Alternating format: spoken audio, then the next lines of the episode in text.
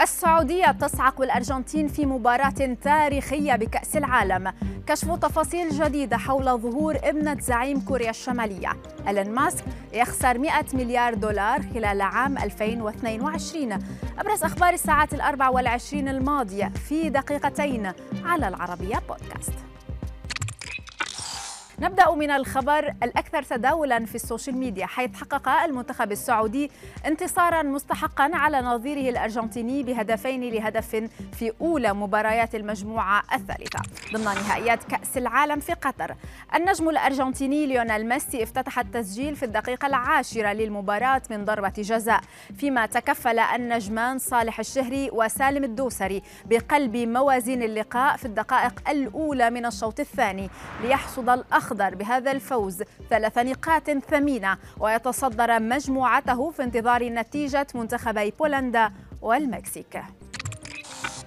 وبعد الفوز التاريخي للمنتخب السعودي على ميسي ورفاقه عمت فرحة واسعة الجماهير العربية والسعودية داخل مدرجات ملعب لوسيل وخارجها وسط إشادات كبيرة بأداء لاعبي الأخضر. لقطات مصورة متداولة في ال social media أظهرت أيضا حضور أمير قطر الشيخ تميم بن حمد في مدرجات لوسيل متوشحا بعلم المملكة العربية السعودية. وسط تفاعل واسع مع هذه اللقطات فيما اعتبر الاتحاد الدولي لكرة القدم فوز المنتخب السعودي بأنه إحدى أكبر المفاجآت في تاريخ كأس العالم.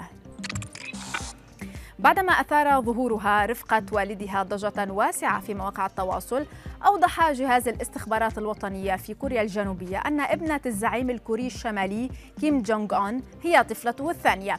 وفي جلسة مغلقة أمام لجنة برلمانية في سول قال مسؤولو الاستخبارات إن هذه هي الابنة الثانية لكيم وتدعى جو آي دون ذكر المزيد من التفاصيل عنها. فيما كانت كوريا الشمالية أعلنت السبت الماضي أن كيم تابع عملية إطلاق أقوى صاروخ باليستي عابر للقارات برفقة زوجته ري سول جو وابنتهما الحبيبة على حد وصف البيان الرسمي. إلى الصين هذه المرة حيث قال علماء إن هناك تفسيرا محتملا لظاهرة تجول مئات الأغنام بشكل دائري منذ 12 يوما على التوالي في منطقة منغوليا الداخلية. علماء بجامعة بريطانيا أو بالجامعة بجامعة بريطانيا أوضحوا أن الأغنام قد تكون بقيت داخل الحظيرة لفترات طويلة وهذا قد يؤدي إلى سلوك نمطي مع الدوران المتكرر بسبب الإحباط من التواجد في مساحة محدودة.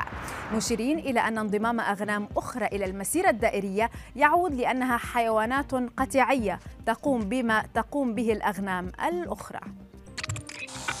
وفي خبرنا الأخير أفادت وكالة بلومبرغ بأن رجل الأعمال الأمريكي ألان ماسك خسر أكثر من 100 مليار دولار في عام 2022 الوكالة أوضحت أن ثروة ماسك انخفضت بمستوى أكثر من غيره من الشخصيات المدرجة على مؤشر المليارديرات مشيرة إلى أن ماسك ورغم تراجع ثروته فإنه ما يزال أغنى شخص في العالم إذ يمتلك نحو 170 مليار دولار فيما كان مالك تويتر الجديد خسر في يوم آه، يوم الاثنين تحديدا نحو 9 مليارات دولار في ظل انخفاض أسهم شركة تسلا.